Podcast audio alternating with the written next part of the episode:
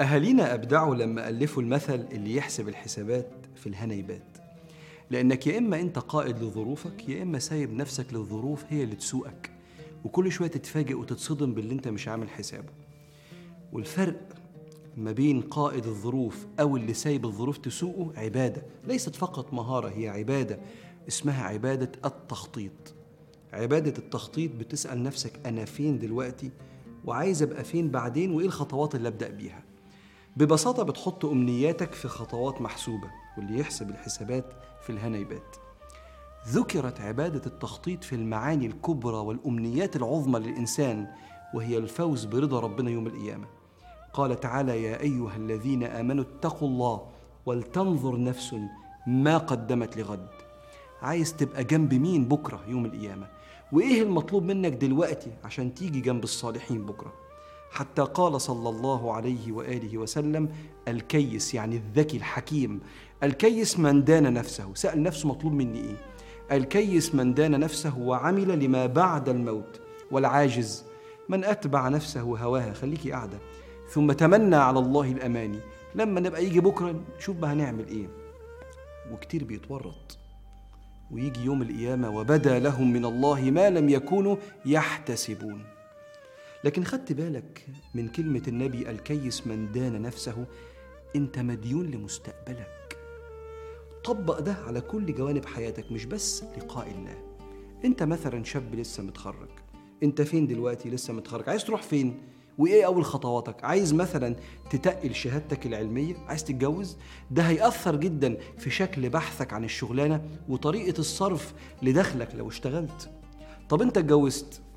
خطة الإنفاق المالي أو الخطوة اللي جاية زي الخلفة مثلا لازم تبقى في بالك. دخلنا كذا واحتياجاتنا كذا نقدر نحوش كذا علشان نعرف ناخد خطوة لقدام أنا ومراتي. مش واحد يبقى متجوز ودخله يا دوبك ونازل شاري موبايل وسط الشهر فيتورط ويستلف. اللي عايش في الدنيا بدون تخطيط لدنيته أو آخرته اسمه الغافل. وربك بيقول للغافل ألا يظن أولئك أنهم مبعوثون ليوم عظيم يوم يقوم الناس لرب العالمين ده الغافل عن الآخرة اللي مش في باله يخطط عايز يقف فين يوم القيامة؟ أما بقى على مستوى الدنيا فالحديث بيقول فالمؤمن كيس فطن عنده فطنة. قليل الصدمات بسبب إنه مداوم على التخطيط. أقول لك تعمل إيه عشان تبقى اللي يحسب الحسابات في الهنيبات ارصد مكانك دلوقتي. أنت طالب انت حديث التخرج انت متزوج شوف انت فين. ثم ارصد انت عايز تروح فين مثلا السنة اللي جاية أو الخمس سنين اللي جايين. ثم اسأل نفسك إيه الخطوة القادمة اللي أبدأ بيها الخطوة القادمة واللي بعدها أول خطوتين. يبقى أنا فين؟ تعريفك لنفسك. عايز تروح فين بعد سنة سنتين؟ ثم أول خطوتين. امسك الطريق بس.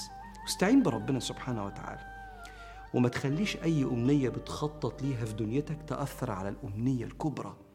وهي رضا ربنا سبحانه وتعالى. جرب كده تاخد بالأسباب وتخطط وتحسب الحسابات وشوف مدد ربنا وفتحه عليك لأن ربنا بيقول والذين جاهدوا فينا والتخطيط محتاج اجتهاد على الأقل فكري. والذين جاهدوا فينا لنهدينهم سبلنا وإن الله لمع المحسنين. هشارككم في تجربة شخصية من أكبر إنجازات حياتي. تستغربش. إن أنا ومراتي دفعنا خلفة ابني الأول من غير ما استلف. أول ما عرفنا خبر الحمل كان وقتها مرتبي 1700 جنيه وكان بيخلص كله على آخر الشهر. سألنا وقتها الدكتور والمستشفى عرفنا إن تكلفة الولادة كلها 5200 جنيه محتاجين يتدبروا في تسعة شهور. رحلة تدبيرهم أنا ومراتي ال 5200 جنيه من أصل مرتب 1700 بتصرف كلهم كانت تحدي ممتع. أولا غيرنا طريقة الصرف غيرنا مستوى الفسحة الأسبوعية الوحيدة اللي كنا بنتفسحها يوم الجمعة محتاج تشيل 600 جنيه من كل شهر تلت المرتب تقريبا. وكانوا بيتحطوا في ظرف وفاكر مكانهم كان فين بالظبط. لحظة دفعي لفلوس المستشفى كأني أنا ومراتي بنستلم جايزة كبيرة جدا. أكيد أهلنا ساعدونا ما نستغناش عنهم. لكن المبلغ ده بالذات كان من تخطيطي أنا ومراتي رضي الله عنها عشان كده اللي يحسب الحسابات في الهنيبات فخطط وفكر ودي عبادة ربنا أوصاك بيها وسيدنا رسول الله. فاللهم إنا نسألك يا رب المدد والعون والغوث في كل خطوة في حياتنا. وافتح لنا يا رب أبواب الرزق. يا فتاح يا عليم يا رزاق يا كريم.